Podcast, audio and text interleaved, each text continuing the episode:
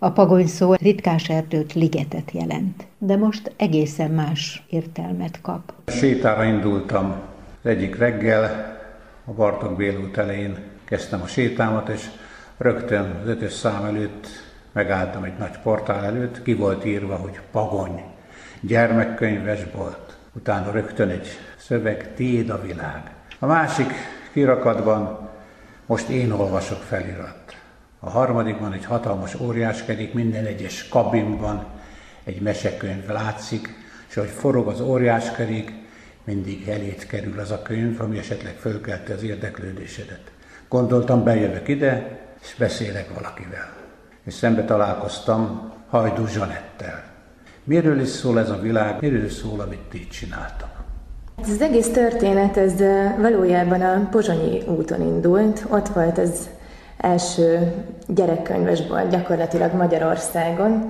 Három házas pár nyitotta meg a boltot, és még a Janikovszki én is eljött a megnyitójára, és támogatta az egész ötletet.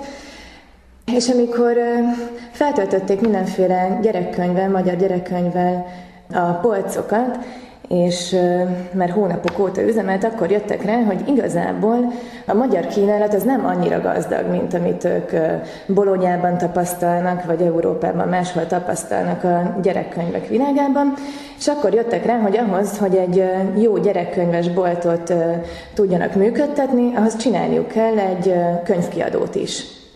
És gyakorlatilag akkor, akkor alapult meg a Pagony, mint könyvkiadó, és utána a bolt helyett ez lett az első számú profilja. A világirodalomból már klasszikusnak számító, de magyarul nem elérhető gyerekkönyvek legyenek elérhetőek a magyar gyerekek számára is, Ugyanakkor a magyar szerzőktől friss kortárs irodalmat tudjanak mutatni ami szintén nem volt a 90-es években, ez egy nagyon friss és új vonal volt, amikor lehetett nagyon sokféle utat nyitni a kortárs magyar irodalomban.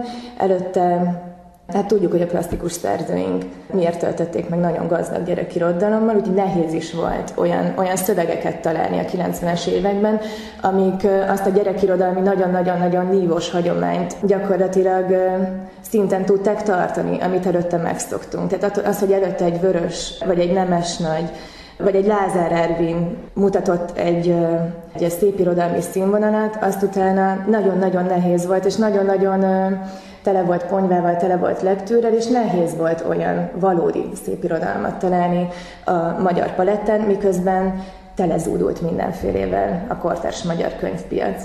És ez volt a második cél, a külföldi jó könyvek megmutatásán túl, hogy nívós kortárs magyar irodalmat mutassanak a gyerekeknek.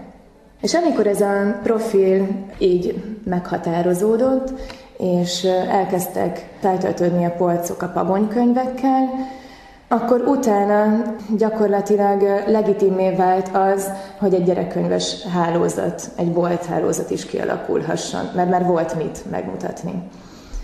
És sokkal később nyitott meg, hát a Bartók, ez lassan tíz éve, ez a legnagyobb gyerekkönyves boltunk most Magyarországon, de már vidéken is nagyon sok helyen van boltunk.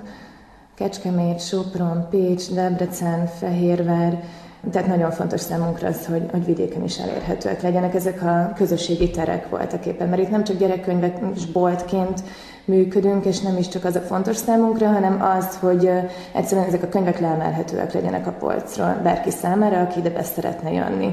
És legyen mindenhol egy kényelmes fotel, ahol bele lehet lapozni és olvasni, legyen egy játszósarok, ahol a kisebbeknek kényelmesen fel lehet olvasni, ha tudunk akkor a boltot üzemeltetni és kitermelni, akkor elérhető legyen a gyerekeknek egy kakaó, a felnőtteknek egy kávé, a vizet mindenki számára ingyen mindig kitesszük, tehát hogy ez egy, ez egy olyan biztos pont legyen, ahol meg lehet pihenni a gyerekeknek is, és a szülőknek is.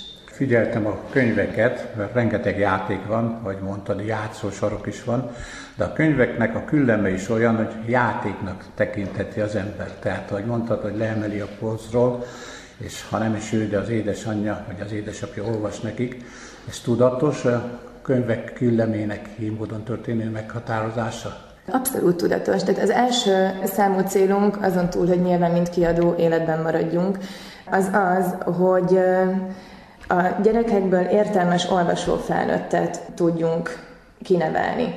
És minden egyes könyvünk gyakorlatilag ebbe a, az üzenetbe és programba épül bele valamilyen módon, és marketing szempontból is, vagy az üzenetek szempontjából is mindig így közelítjük meg a könyveket. Ha kiadunk valamit, akkor az első számú kérdés az az, hogy jól, megfelelően fel lehet-e olvasni az adott korosztálynak, és hogy ez valójában kiszolgálja azt, hogy önállóan boldogul-e vele x évesen, hogy lehet-e közösen olvasni, mert ez még egy nagyon fontos időszak az olvasóvá válásban, hogy amikor elkezd gyakorolni a kisgyerek és önállóan olvasgatni, akkor nagyon sok szülő hajlamos korábban elengedni a gyerek kezét. Pedig még nagyon-nagyon fontos az, hogy ugyanúgy kapjon hallott szöveget is, amit elképzelhet. És hogy erre, erre nagyon érzékeny időszakra, amikor még tényleg biztosítani kell a gyereket arról, hogy van annyi fantáziája és érzelmi intelligenciája, hogy meg tudja tölteni ezeket a nehezen dekódolható szövegeket még, mert akkor neki ez még nehezen érthető át kell segíteni, és ugyanúgy kell neki mesélni egészen addig, amíg akkora nagy rutinja és gyakorlata nem lesz. És erre akkor kínálni kell többféle könyvet. Kínálni kell arra könyvet, hogy maga biztosan gyakorolhassa az olvasást, és folyamatosan szintről szintre nehezedjen, mind a szöveg változzon, a kép szövegaránya. Ugyanakkor kínálni kell neki olyan meseregényeket, amik már szellemileg kielégítik, ugyanakkor még felolvashatja a szülő, és nem kínos, hogy egy, hogy egy mesét hallgat valójában. És utána szépen fokozatosan, ahogy növeljük az olvasási kompetenciát szövegekben, úgy változik gyakorlatilag a paletta, és a Pagonynak van egy lányvállalata, a Tilos az elkönyvkiadó, ami már gyakorlatilag ifjúsági könyvekről szól, különböző társadalmi problémákat és mindenféle olyan kérdést taglalnak a kiadóban megjelent regények, amik a fiatalokat foglalkoztatják ma, de nehezen kibeszélhetőek, vagy kevés olyan regény van, ami konkrétan a mai fiatalok kortárs problémáival foglalkozik, és értelmes szöveget kínál erre. Könnyen olvasható, de valóban elgondolkodtató és értelmes szöveget. De mit csinálsz te itt konkrétan?